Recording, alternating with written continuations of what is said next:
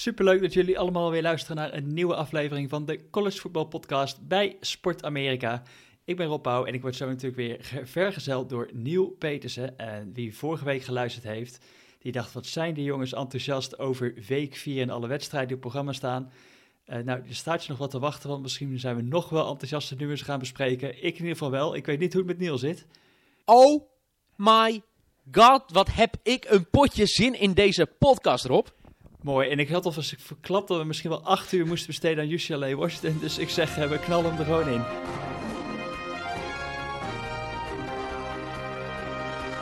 Yes, Neil. Nou, misschien moeten we er geen acht uur van maken bij UCLA Washington. Maar ja, moeten we met deze krankzinnige wedstrijd maar beginnen? Dat lijkt mij wel, ja. Want uh, ik, uh, laat ik het zo zeggen, ik heb zelden zo'n wedstrijd gezien. Ja, ik, ik kan het me niet herinneren dat ik ooit heb meegemaakt. Ik, uh, ik, ik was eigenlijk een beetje uitgetuned bij de wedstrijden. Want ik had dus, daarvoor had ik uh, Georgia, Notre Dame en uh, Oklahoma State, Texas had ik allebei naast elkaar gekeken.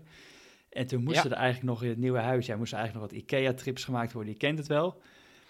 En ik keek naar die... Ook in Australië, dames en heren. ja, en ik keek naar de tussenstand en ik dacht van, nou, uh, volgens mij was op dat moment uh, ongeveer de grootste lead die er was voor Washington State. Dus ik dacht, nou, oké, okay, prima. Ja. Ik kijk misschien straks nog wel even af als we terug zijn. En toen ging het los. Ja, het ging uh, behoorlijk los. Ik denk dat op het moment dat jij naar de uh, IKEA in Perth ge- uh, ging, wat trouwens een uitstekende IKEA is, wat ik heb gehoord. maar dat is misschien voor een andere podcast. Prima hotdogs. Ja. Maar, ja, ja, ja, ja, inderdaad. nee, ik denk dat je dan in het derde kwart ging. 32 punten was voor mij de voorsprong voor Washington State. Um, en uh, ik vind het heel mooi dat na afloop uh, Chip Kelly uh, zei: Ik heb nooit vertrouwen verloren in mijn team. Ja, Amahula, Chip Kelly. Als je 32 punten achter staat in, het, in het derde kwart, je team speelt zoals het tot dat moment speelde, ja, dan kan je toch niet zeggen hey, dat, je no dat je nooit vertrouwen hebt verloren in je team. Ja, Chip heeft zijn team natuurlijk zien groeien de afgelopen weken. Hè. DTR, Dorian Thomas Robinson. Uh, Thompson Robinson, dus zijn quarterback, die begon natuurlijk verschrikkelijk slecht aan het seizoen. Hij werd een klein beetje beter week 2, beetje beter week 3. En opeens, ja. Uh, ja, halverwege het derde kwart, toen uh, ging het lampje branden bij iedereen bij, bij UCLA, hè, wat Chip Kelly wil van zijn offense. Ja, inderdaad. Maar ehm, het, het gek is als je naar, naar de statistieken ook kijkt. Ja, het slaat eigenlijk gewoon nergens op. Het slaat gewoon nergens op als je de statistieken kijkt van Anthony Gordon, uh, de quarterback van uh, de Cougars, Washington State. Ja. 9, 9, u hoort het goed, 9 touchdown passes. Ja. Of niet passes, hè? Uh, ook zelf. Ja, 9 touchdown passes waren het. Ja, ja, ja. ja even, we hebben volgens mij de stand nog niet genoemd, maar dus halverwege het derde kwart was het dus 49-17. Dus dat was ja. 32 punten verschil. En toen kwam er ja, een, sorry. een... 9, 9 touchdowns. En toen kwam er een run van, volgens mij van 26 punten op rij van UCLA.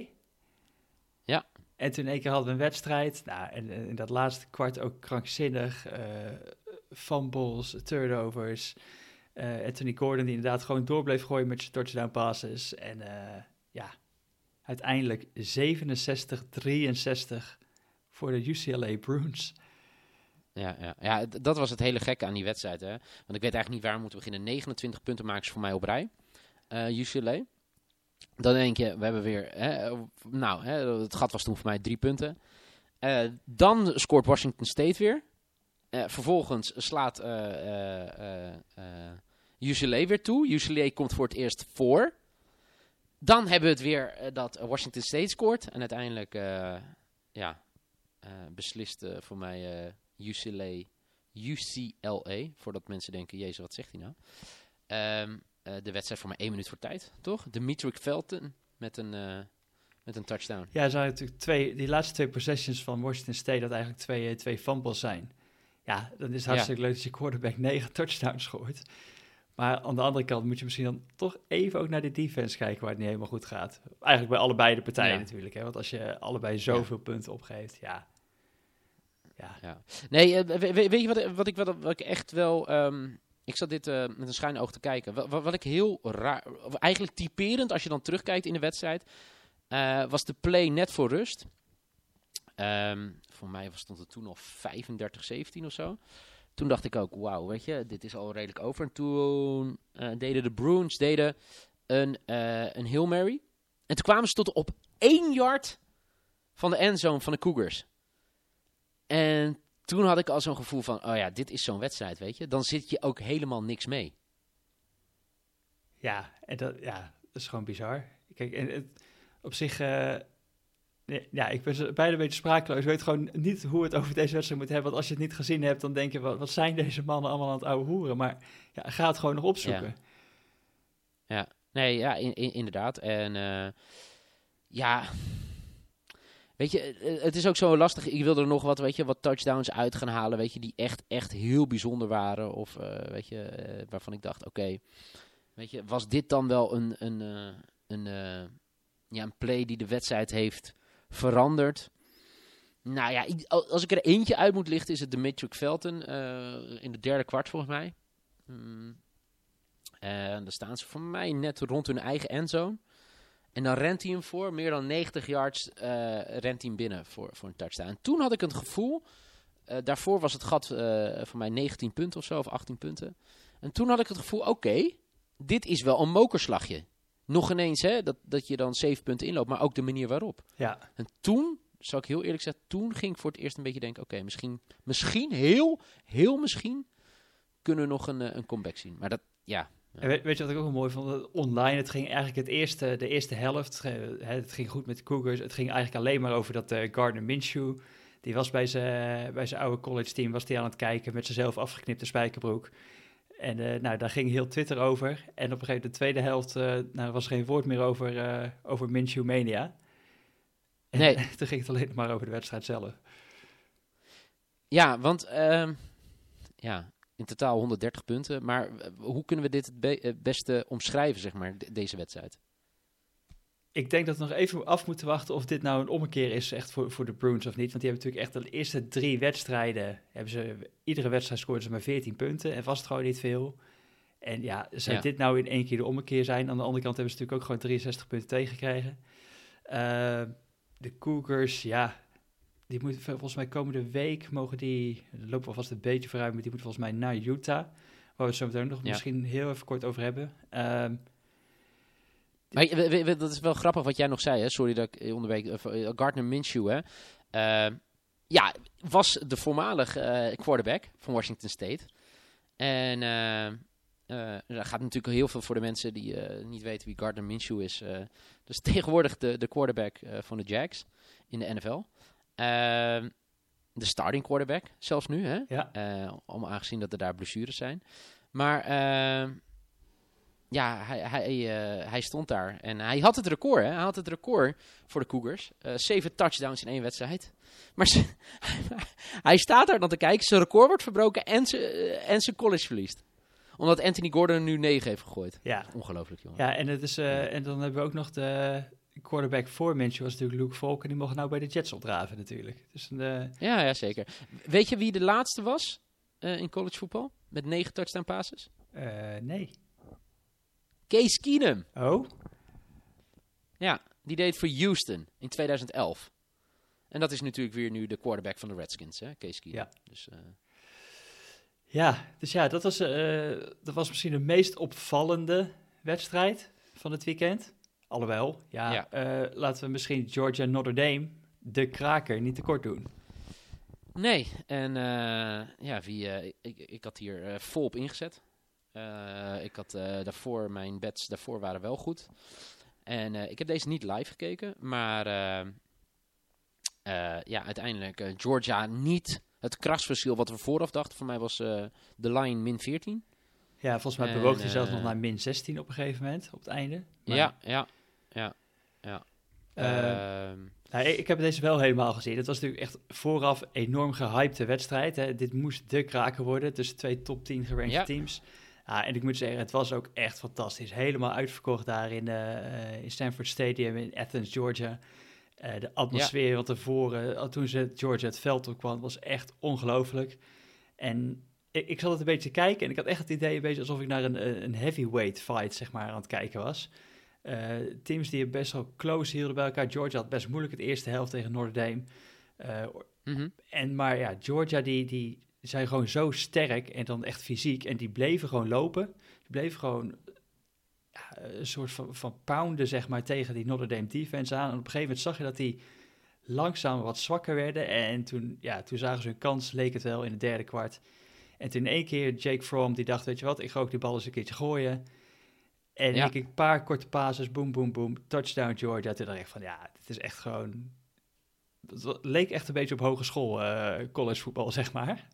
Klinkt tegenstrijdig, high school college voetbal. Maar ehm, ja, echt fantastisch. En toen, ja, Georgia, eh, ze gaven dan Notre Dame nog een kans. Dus achteraf nog wel een beetje besproken. Op een gegeven moment was het eh fourth and one. Nou, misschien wel fourth en een paar inches, zeg maar, wat ze nog nodig hadden om... ja, precies echt een mokerslag toe te dienen aan, aan Notre Dame. En toen gingen ze toch voor de field goal in het derde kwart. Daardoor bleef Notre Dame eigenlijk in de wedstrijd, waar ze nog met twee touchdowns nog ja, eh, hadden kunnen winnen. Ze maakten er eentje en toen eh, kwam het aan op de laatste possession en daar, eh, ja, dat werd niks. Maar ja, geweldige wedstrijd. Ja, zeker ook omdat, terecht wat je vooraf ook zei, Georgia, de grote favoriet, eh, die zou er wel even overheen lopen. Nou, eh, bij rust keken ze tegen een achterstand aan. En voor mij een beetje het breekpunt, wat ik terugkeek, was ehm, eh, de interception. Voor mij was dat, een, eh, wanneer was dat? Na rust? Net na rust?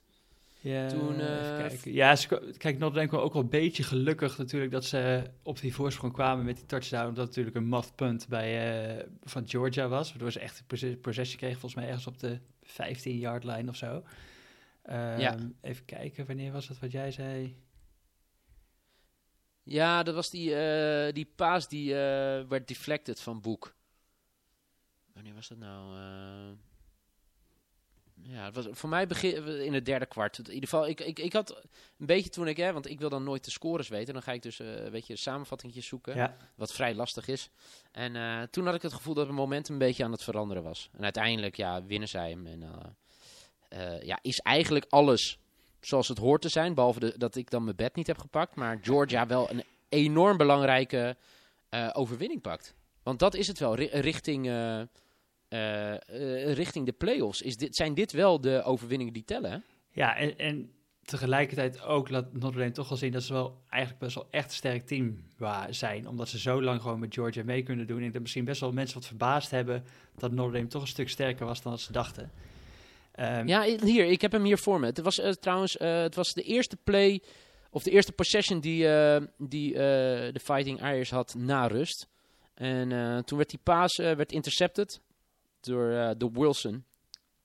En eh, uiteindelijk scoren zij toen een field goal.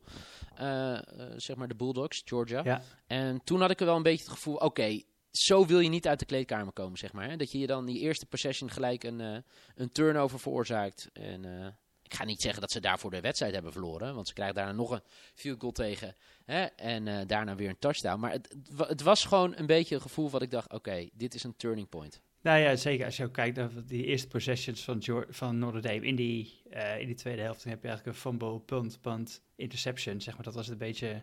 Ja, bij die fumble was het dus eigenlijk ook een punt, een interception. Ja, Georgia Ja. kwam beter uit de kleedkamer. ehm, toch nog steeds twee hele sterke teams. En ik, eh, ik had een beetje zoiets, misschien hebben we nou misschien niet het hele, de rest van het seizoen, eh, het... Nou, ik zou bijna zeggen, het gehoor van moet Notre Dame in de playoffs komen, want, want ze zijn 12 en dat 0. En nu zijn er nog Dat mensen, omdat, ze, omdat ze zo sterk waren tegen Georgia. Ja, misschien als ze 11 en 1 gaan, moeten ze dan alsnog misschien nog wel een kans krijgen. Ja, Nee, ik, dat, dat ben ik helemaal met je eens, weet je. Dit lost ook wel heel veel op in één keer. ja. nou, ja, een fantastische wedstrijd. Ehm, Dat sowieso, zeker. Ja. ja, we hebben eigenlijk gezegd, als Michigan ga- verliest eh, bij Wisconsin, dan gaan we het eigenlijk gewoon niet meer over Michigan hebben. Tot de, tot de kraken tegen Ohio State. ja, Urban Meyer op weg naar Michigan. Nee, nee, nee, dat is helemaal niet waar. Nee, nee, nee. Hij heeft het ontkracht, hè? Ja. Ik zag al, ik zag al die, eh, al die eh, roddels voor, voorbij komen. Dat, eh, dat zou echt... Als je Harbaugh wil vermoorden, zeg maar mentaal, dan moet je hem eerst ontslaan en dan vervangen door Urban Meyer. Ja. Dat is wat ik dacht. Maar ja, het gaat, Maar het gaat laten heel we wat even- kosten als ze laten we- willen ontstaan, volgens mij. 10 of 12 miljoen was het, geloof ik. Ja, maar dat, bij zulke universiteiten is dat peanuts volgens mij. Ja. Hoeveel geld daarin omgaat met eh college voetbal. Overigens, als we naar die wedstrijd kijken, begonnen ze nog ineens zo slecht. Dus ze kwamen 7-0 achter. Ehm, dan zie ik uh, Persson. Voor mij zijn eerste, misschien zijn eerste, was een goede paas. Toen pakten ze nou, een, aantal, een flink aantal yards. Ze kwamen ook 35-0 achter, hè, uiteindelijk. Nee, nee, nee, maar ik, ik, bedoel, zeg maar in het begin. Dat, nee, want ik heb die, weet je, dat, weet je, en toen dacht ik, oh ja, uiteindelijk bij rust staan ze 28-0 achter. Toen dacht ik, koek, koek. Toen werd het naar rust nog 35 Maar ik bedoel meer, Persson begon best wel oké. En daarna gelijk een fumble uh, met een running play. Ja, en toen weet je, ik, ik weet niet wat er is gebeurd. Of dat zo'n mentale klap is geweest in deze wedstrijd. Maar daarna was het gewoon uh, alsof ze, het leek wel alsof Wisconsin uh, tegen een high school speelde, toch? Ja, Jonathan Taylor kon gewoon zijn gang gaan, de, de running back. Natuurlijk wel echt een, een, super running back. Die, volgens mij in het eerste kwart alleen al liep hij voor 143 yards en twee touchdowns. Ja, maar ik denk dat de, ik ben het helemaal met je eens hoor. Echt een goede, echt een goede running back. Maar ik denk dat je dat hij echt vrij spel had. Ja. Ja, Toch? Ja, nee, op een gegeven moment leek ik het heb, alsof ik heb zelden zo'n vertoning gezien. Alsof heel Wisconsin gewoon vrij spel had. En dan, dan ga je kijken. Ja, ja toch? Ja, het, is, het is Jim Harbaugh. Het is een jaar vijf dat hij nu bij Michigan zit. Ja. Um, ja, ik, ik heb toch het idee, daar zou toch een beetje alarmbellen langzaam wat af moeten gaan. Ja, ja. Nee, dit ben ik 100% met je eens. En, uh, ja, het, het, gewoon ik ben ook benieuwd hoe ze, hoe ze dit nu gaan oppakken, zeg maar. Ze, ze zijn natuurlijk, uh, even kijken, wanneer was het? Twee weken geleden heel goed weggekomen tegen Army. Hè? Uh, ze hadden, even, zeg dat goed, hadden ze vorige week vrij? Ja. Ja, ze hadden ook nog een bye week ja, ook, dus, hè, om voor te bereiden op deze ja, wedstrijd. Ja, daarom. Nee, maar tegen, tegen Army voor mij uh, dubbel overtime. Of één overtime. In ieder geval in overtime tegen Army. Dat wij, toen hadden we het er al hier over. We dachten, ja, oké. Okay. Dit is echt eigenlijk heel gênant, hè? Double overtime nodig tegen Army. Ja.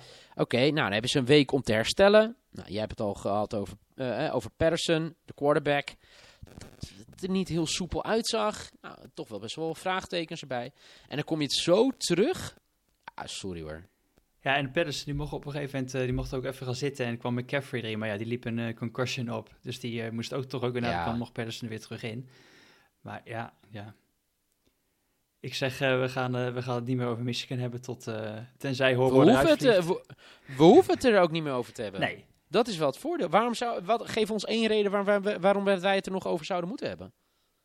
Ja, ik, dat zeg ik alleen als Horbo er, eruit vliegt of zo. Of dat hij zelf zegt, ik heb er genoeg van. Dan, dan gaan we het er nog weer over hebben. Maar anders tot die tijd ja. zwij, zwijgen wij tot Thanksgiving waarschijnlijk over Michigan. Ja. Ja, sorry voor ons. Ik denk dat er best wel Michigan-fans hier zijn trouwens. Ja, als je het er niet mee eens bent, laat het ons ook weten. Hè? Of jij, als er bepaalde inzichten zijn over Michigan, wat jullie met ons willen delen, gooi het er vooral in. Ja, ik zat trouwens, dat was wel heel mooi, want ik zat, ik kijk, tegenwoordig kijk ik, nou, voor mij heet het niet College Game Day, maar dan is het van Barstool, die hebben dan ook een soort College Game Day programmaatje. En de eigenaar of oprichter, de CEO, niet de CEO, maar de grote baas bij Barstool, is Dave Portnoy. Echt een Michigan uh, man. En nou, die, die, heeft dus die heeft dus in de rust geroepen. Dat deed hij een emergency, emergency press conference. Dat Harbour ontslagen moest worden in de rust. Omdat hij is zo'n pijnlijk, pijnlijke... Uh, ja, het, was ook super pijnlijk. Ik denk dat ik het ook moeilijk kan uitleggen aan, aan onze lieve luisteraars. hoe pijnlijk dit is. Ja, zo'n programma en dan zo'n afgang. Ja, ja goed. Uh, maar goed. Uh, door. Ja, laten we even snel een paar andere wedstrijden nog even noemen. Uh, Texas A&M Auburn hadden we volgens mij vorige week ook genoemd. Auburn 28-20 ja. overwinning eigenlijk Texas A&M nooit echt een kans gehad in deze wedstrijd. Dus een sterke overwinning. Uh, Bo niks, hè? Ja, toch, het blijft een beetje Bo niks, ja. Het is allemaal niet super ja. indrukwekkend, maar af en toe, wanneer het moet, maakt hij altijd een paar plays en nou, staat hij er gewoon. Ja, wat ik meer heb bij uh, Bo Nix, en voor mij heb ik dat ook aan het begin van het seizoen gezegd. Het, het is nog wel wat, hè? Dat je daar staat. Sorry. Uh, aan het begin van het seizoen als rookie. Hè? Uh, starting, starting rookie.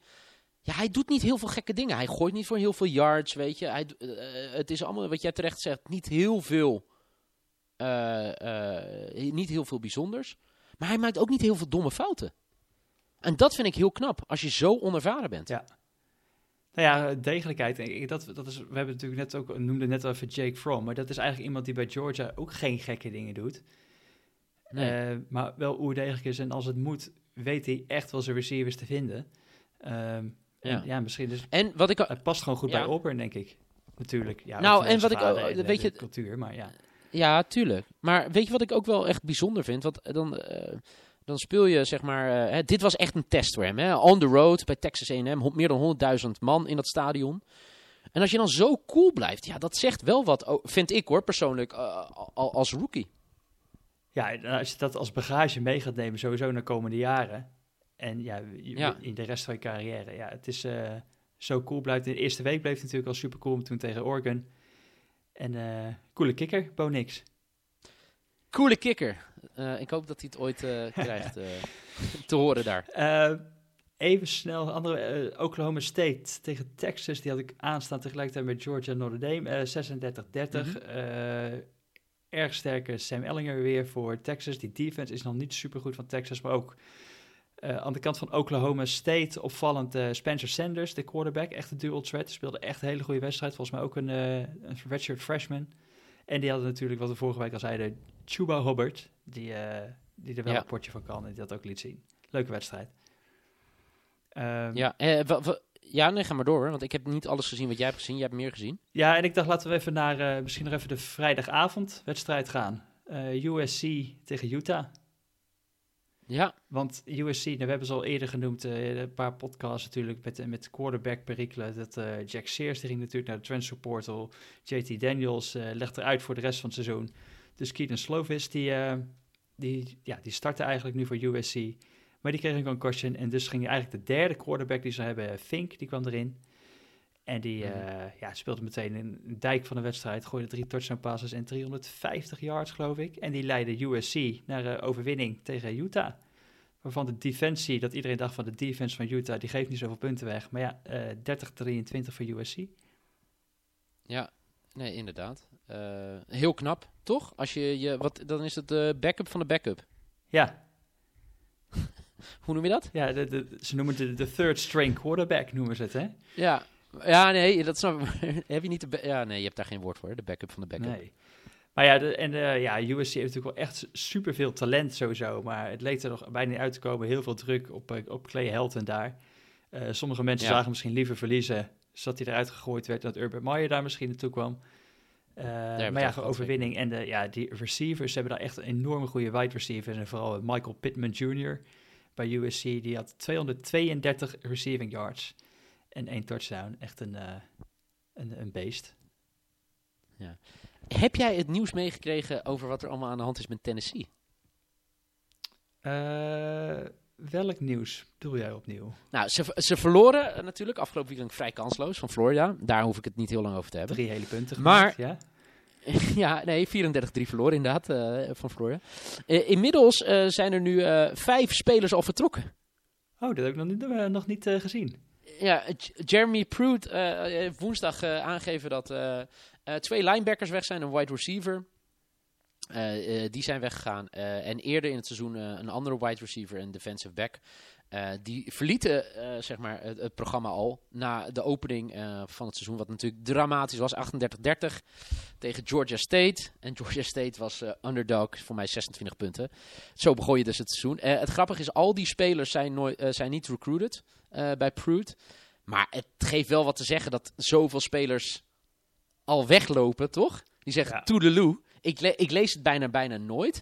En wat ik dan nog pijnlijker vind voor alle Tennessee-liefhebbers, fans, wat je er ook van bent. Komende week komt Georgia op bezoek. Of zeg maar die week erop, sorry. Dus ze hebben een weekje rust. Kunnen ze bijkomen dat alle spelers weg zijn. En dan komt Georgia op bezoek. Nou, ga er maar aan staan, toch? Ja, Ja, sterkte voor de volle volunteers. maar het, ik, ik vond het ja, meer mijn... Het, het is toch heel raar nieuws. Ja, ze hebben niet geredshirt, maar ze zijn echt gewoon de transfer portal in Ja. en uh, toedeledokie. Ja. Ja. Hm. Hey, zullen wij heel even, want we kwamen een beetje bij, bij Redshirt en Transfer Portal. eh, dat was eigenlijk een heel mooi bruggetje naar mijn moment van de week. Maar zullen we Ja. eerst even naar Lars ja, luisteren? maar. Oh, tuurlijk. Lars, oh, Lars. Hoe kunnen... Lars zit hier in de woonkamer te wachten tot hij eh, los kan. Sorry, Lars. Ik eh, liet me even mee- meenemen over Tennessee. Ja, Sorry, we, hebben zoveel mooie wedstrijden gehad, maar er was eigenlijk nog één wedstrijd die eigenlijk echt even uitgelicht moest worden. En eh, nou ja, Want er ging een enorme streak, die, die ging verloren afgelopen, afgelopen weekend. En daar gaat Lars ons alles over vertellen. Afgelopen weekend kwam de playoff-droom van UCF al vroeg ten einde. Ehm, de afgelopen jaren is er natuurlijk veel gegaan over de Knights en over hun kansen op het behalen van de playoffs. Afgelopen seizoenen natuurlijk meerdere malen ongeslagen geëindigd. Het is sowieso lang geleden dat UCF tijdens het reguliere seizoen een nederlaag leed. Ook dit jaar begon ze weer fantastisch, 3-0.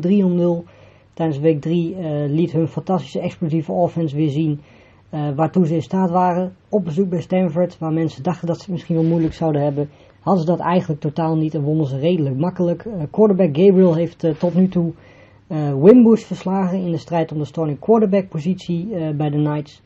Um, die natuurlijk Mackenzie Milton dit jaar missen en volgend jaar weer terug zullen hebben. Uh, maar Gabriel doet het fantastisch, ook in deze wedstrijd, op bezoek bij Pittsburgh, wat natuurlijk ook geen koekenbakkers zijn. Um, begon die vrij moeizaam. Pittsburgh, dat bekend staat om zijn defense, um, liet dat ook meteen zien. Startte met een 21-0 voorsprong, met 7 minuten te gaan in de eerste helft. Een fantastische start van, van Pittsburgh, dat de ene naar de andere sack aan één reeg. Iets wat normaal gesproken Gabriel bij UCF niet zo heel vaak gebeurt. Vervolgens um, kwam UCF beter in vorm. Ze wisten terug te komen. Vooral dankzij een hele goede tweede helft. Waarin ja, de start zo goed was dat ze eigenlijk al in no time weer naast Pittsburgh stonden. Ze stonden op een gegeven moment zelfs met 11 punten voor. Aan het einde van het derde kwart ongeveer. Uh, waarna Pittsburgh vervolgens gewoon twee hele goede drives had. Waarin ze twee touchdowns scoorden. Um, onder leiding van hun quarterback Pickett. Die qua accuracy niet eens een hele goede wedstrijd speelde. 25 47. 224 yards in de touchdown noteerde. Gooide 87 eh, yards naar Mac, die zijn belangrijkste receiver was. Afgelopen zaterdagavond. Um, en dankzij die twee late touchdown drives, waarvan de laatste echt met nog een minuut te gaan was of zo, um, kon UCF eigenlijk niet meer reageren. Uh, ze stonden op dat moment gewoon achter met nog één minuut te gaan, 35-34. Moesten een field goal range komen. En uh, ja, op het moment dat het moest, stond de Pittsburgh defense er weer en speelden ze eigenlijk weer net zo goed als aan het begin van het duel, toen ze met 21-0 voor stonden. Gabriel werd een paar keer gesekt, moest de bal weggooien, kreeg uiteindelijk niet echt de kans om ja, een laatste goede drive neer te zetten, waardoor UCF met 35-34 uh, op dramatische wijze verloor en daardoor ook zijn playoff droom ziet vervagen, want laten we wel wezen, ze moesten ongeslagen blijven. Uh, ze gaan waarschijnlijk ook het beste team zijn uit de AAC. Um, het schema, zeker nu een team als Houston het heel moeilijk heeft, um, gaat waarschijnlijk niet zwaar genoeg zijn uh, om kans te maken op de playoffs, zelfs als ze ongeslagen zijn um, de rest van het seizoen. Maar het, het, gaat gewoon niet meer gebeuren. Dat is jammer. Uh, ik denk dat zo'n beetje iedereen het uh, UCF zo langzamerhand wel gunt. Maar ook dit jaar zullen ze het weer zonder de college voetbal playoffs moeten doen. En met Misschien wel een plek in de New York Six. Afgelopen jaar hebben ze dat weten te redden. Als ze alles winnen, dan zouden ze normaal gesproken ook dit jaar weer in een, New York Six kunnen komen. Pittsburgh, ik zou er niet heel veel van verwachten. Um, het team is kwalitatief gezien, uh, zeker vergeleken met de andere teams in hun divisie, niet goed genoeg. Virginia uh, in hun divisie in de ACC is ongeslagen, is de grote favoriet daar. Je hebt daar teams als Miami die normaal gesproken gewoon gedurende het seizoen beter zullen worden. En Pittsburgh is zeker geen walkover voor geen enkel team. Een aardige defense, uh, vooral in de frontlinie. Wat we ook in de wedstrijd tegen UCF zagen met al die sacks. Uh, maar de secondary is heel kwetsbaar. En daarnaast is de aanval zoals we die nu tegen UCF hadden gezien zeker niet zo explosief. Um, tegen teams als Virginia, Miami die verdedigend heel goed zijn. Dus verwacht van Pittsburgh niet heel erg veel. Um, ondanks dat denk ik wel dat het mogelijk moet zijn om een ballgame te halen. Ze zijn nu 2 om 2. Uh, dus ze hebben nog vier zegens daarvoor nodig. Ze hebben daar nog 7, 8 weekenden voor. Dus ja, dat zal het voornaamste doel zijn voor Pittsburgh. Zes zegens pakken en hopen op een ballgame aan het eind van het jaar. Yes, onze national champions UCF. De streak is no longer ja. alive. Nee, geen banner dit jaar hè? Geen banner dit jaar. Vorig jaar hingen ze hem gewoon op zelf. Ja, mooi. onze momentjes, uh, momentjes van de week. Uh, ja, ik, ik had dus, we hadden het over Transfer Portal net. Uh, en misschien wat mensen die vertrekken. En voor mij was het eigenlijk het moment van dat er nu bij Houston bekend is geworden. De'Ara King en volgens mij nog een andere wide receiver, waarvan ik zijn naam even niet meer weet. Die hebben gezegd, ja, wij gaan dit jaar, de rest van het jaar redshirten. En we komen volgend, met, we hebben de intentie om volgend jaar weer terug te keren. En ja, dit is eigenlijk een Ja. beetje het moderne college voetbal tanken, lijkt het wel. Ja, want leg dat even uit. Waarom doet hij dit nu op dit moment? Nou, op dit moment is if Houston, dus het eerste seizoen onder Dana Holgerson, een nieuwe coach. Het loopt nog niet allemaal op, eh, op rolletjes. eh, en die Eric King kijkt natuurlijk vooruit. En die heeft in het verleden heeft hij al op heel veel verschillende posities moeten spelen. Zich altijd opgeofferd voor het team. En die denkt van ja, ik moet nu een keertje echt even aan mezelf denken. En als ik kijk naar hoe ik straks de NFL in wil gaan, dan wil ik dat niet doen na een seizoen waar ik nu bij Houston, nou ja, waar het eigenlijk Ja. een beetje een rommeltje is en ik me niet goed kan laten zien wat ik eigenlijk allemaal in huis heb. Dus ik wil eigenlijk dit seizoen, eh, en ik heb nog een red, red shirt wat ik nog kan doen. Het is, eh, we hebben het al vaker gezegd, eh, als je vier wedstrijden of minder speelt, dan heb je nog de optie om dat seizoen, zeg maar, te red shirt, waardoor je het niet van je eligibility afgaat. Ehm, dus die Eric King zegt, ik ga dit seizoen niet meer doen. En dat heeft hij Nee. overleg ook gedaan met Dana Holgerson, die op zijn beurt eigenlijk misschien wel een beetje voorstander daarvan is, want die vindt zijn team eigenlijk sowieso te jong, wat hij heeft. Dus ik denk van ja, ik heb eigenlijk best liever als iemand, als ze toch aan het bouwen zijn, dat een paar mensen even een redshirt jaar nemen. Hè, zijn ze zo meteen een jaartje ouder, toch wat meer ervaring in het systeem, et cetera. En dan heb ik zo meteen een meer ervaren groep waarmee we wel aan de slag kunnen. Dus ja, Ja. vandaar eigenlijk een beetje het, het soort, eh, het nieuwe tanken in het college voetbal. Laten mensen een Ja, want redshirt i- nemen. Is het een soort eh, tanken? Nou ja, het is natuurlijk wel jezelf opzetten Maar je krijgt voor een geen- beter jaar. Het volgende jaar. Maar je krijgt geen draft picks of zo, zeg maar. Dat bedoel ik meer. Nee, maar het is wel dat je kans krijgt om misschien wat andere jonge spelers zich alvast te laten ontwikkelen. Terwijl je je seniors in dit geval, eh, waarvan je al weet dat ze toegevoegde waarde zijn, nog een jaar, eh, nog een jaar extra beschikbaar hebt. Ik ga er wel rekening mee houden met mijn eh, betting de komende weken. Ehm, ja, het, voor mij is het ook de eerste keer, toch? Ja, Dat iemand echt redshirt bij hetzelfde team en dat hij zegt, oké, de groeten, ik blijf hier. Ja, als die blijft eh, Ik ga hè? redshirten. Ja, want dat is de vraag. Hè. Hij mag ook gewoon weg. hij, ja hij, ma- hij mag gewoon weggaan. Maar ja, hij zegt zelf Hij van, ik heb de intentie om te blijven. worden. Maar zijn vader, Ja, zijn vader die heeft gezegd, ja, we gaan kijken wat het beste voor die jongen is. Ja, Ja. dus ja. Overigens, als je een mooi artikel wil lezen hierover. eh, ik zag eh, over redshirt en eh, transfer. Ik zag een eh, heel mooi artikel. Sports Illustrated, ESPN. Dan ging het, eh, zijn ze eh, een jaar terug de tijd ingedoken. Met Kelly Bryant, Trevor Lawrence. Over hoe dat precies ging bij Clemson. Eh, hè, dat eh, Bryant eh, kreeg te horen dat Trevor Lawrence ging starten. En welke keuzes die toen heeft gemaakt. hij heeft eerst nog meegetraind. Toen was hij op zich onvindbaar op het complex bij Clemson. En uiteindelijk is hij dit jaar naar Missouri gegaan, getransferd. En Lawrence, die won de nationale titel vorig jaar met Clemson. Maar het is een mooi verhaal. Ik zal even kijken of ik het linkje kan delen met al onze luisteraars. Dat was een mooi verhaal. En ik ben heel benieuwd of, of King daadwerkelijk bij Houston blijft. Eh Dana Holgerson, een van mijn favoriete college voetbalcoaches. Vooral omdat hij heel veel praat en nog niet heel veel laat zien. bij deze. Goed. eh, Iemand die misschien ook ja, mijn momentje, momentje, iemand die Ja, ook niet veel ja, mijn momentje- zien. Nee, eh, dat is ook een headcoach. Dat is de headcoach van UCLA, Chip Kelly. Die natuurlijk helemaal kapot ging in de eerste helft. Maar goed, we weten hoe het is gegaan. We hebben het er aan het begin eh, van de uitzending over gehad. eh, tegen Washington State. Eh ze keken eh, 32 punten tegen 22, 32 punten achterstand, zoiets. Nou, 31 punten, maakt allemaal niet uit. Ze wonnen uiteindelijk, maar het mooie was nou dat Chip Kelly tijdens de wedstrijd totaal geen emotie toonde. Of was het nou tijdens de comeback of niet. Maar pas bij de laatste touchdown voor mij, van Dimitri Felton, was die laatste. Toen zag je een glimlach, een high five. En toen dacht ik, gozer, je hebt zo'n wedstrijd maak je mee en jij toont gewoon geen emotie. Hoe dan? Ja, Toch? ja, prachtig. En ook zijn Ja, reactie op het heel- einde. het. Zijn reactie op het einde vond ik ook super mooi. Dat interview na de wedstrijd. Want eh, het is een beetje natuurlijk een, een begrip geworden, die, eh, die wedstrijden in de Pac-12, wat ze zo laat plaatsvinden en soms allerlei gekke dingen gebeuren. Dus als ja, mensen ja. hashtag Pac-12 After Dark ehm, volgen, dan, dan, zie- dan komt het ook naar voren. En dus eh, werd ook aan hem gevraagd, ja, wat is dit? Wat was dit nou voor wedstrijd? Hij zei, ja, dit was Pac-12 After Dark, zei hij ook gewoon. Ja, mooi. Mooi, heel mooi. Heel mooi, man. Eh, jeetje, wat wordt, ja, we- we- het wordt geen acht uur, maar we hebben wel een, lange we podcast vandaag. bezig, ja. Ja. Ehm, Ja, zeker. moeten we even snel door de rankings lopen? Zeker, lijkt me heel verstandig. Het eh, team wat niet genoemd mag worden, dat is van 11 naar eh 20 gezakt. Ja, kijk, eh, kijk, dit vind ik wel een beetje ja, eh, jammer. Hè? Wij zitten nog niet, eh, eh, zeg maar, wij, wij worden nog niet geraadpleegd voor deze ranking. Echt, trouwens, echt belachelijk. Toch? Hoeveel Nederlandse-talige eh, collegevoetbalpodcasts zijn er? Ja, Ik bedoel alleen maar. Die dan ene je mag best wel een een stem stem hierin geven.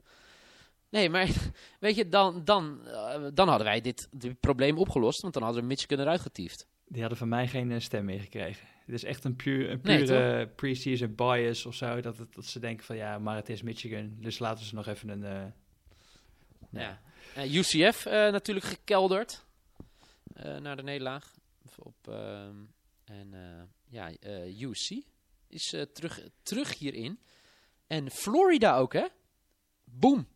Oh nee, Florida stond al op 9 trouwens. ja, die Dat, stond eh, al op dat is ook zo. negen. Ik, le- Ja, ik, ja. ik, ik zit, eh, ik zit verkeerd te lezen. Ik dacht streepje betekent vorige week eh, niet in de ranglijst. Maar streepje betekent Neil Petersen dat ze op dezelfde plek zijn gebleven. Inderdaad. Eh, ja, bovenin weinig verschuivingen toch Ja, eigenlijk. Utah natuurlijk ook gekelderd. Ehm Kel, het enige team wat nog ongeslagen is in de Pac-12. Die staan de vijftiende.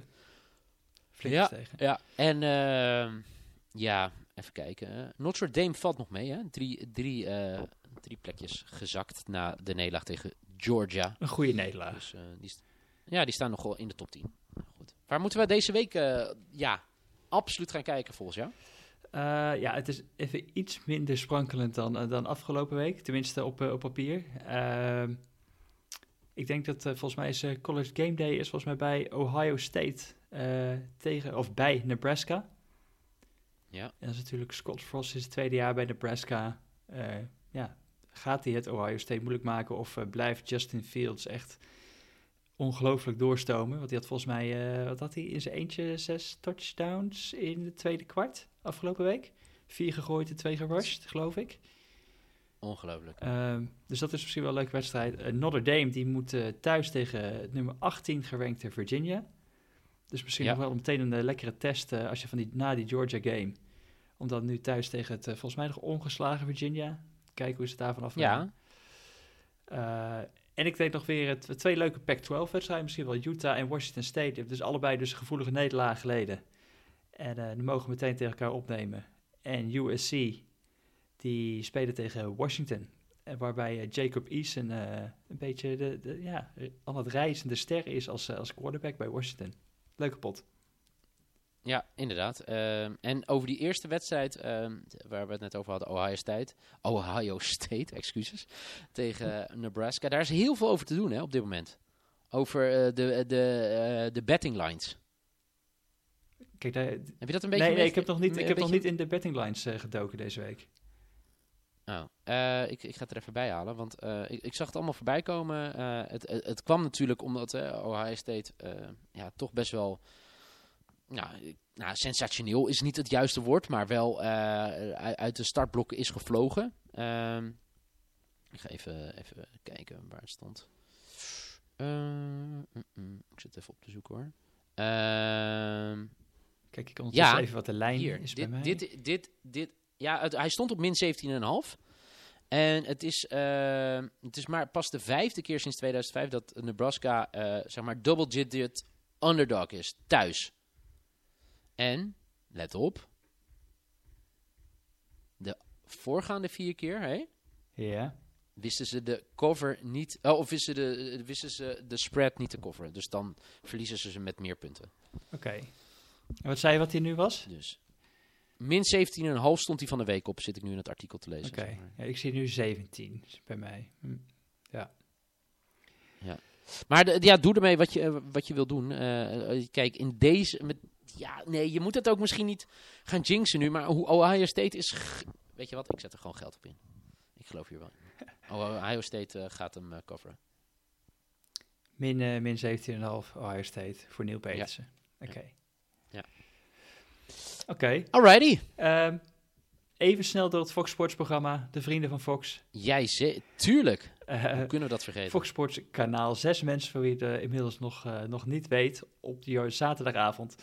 College Game Day gevolgd door Oklahoma tegen Texas Tech.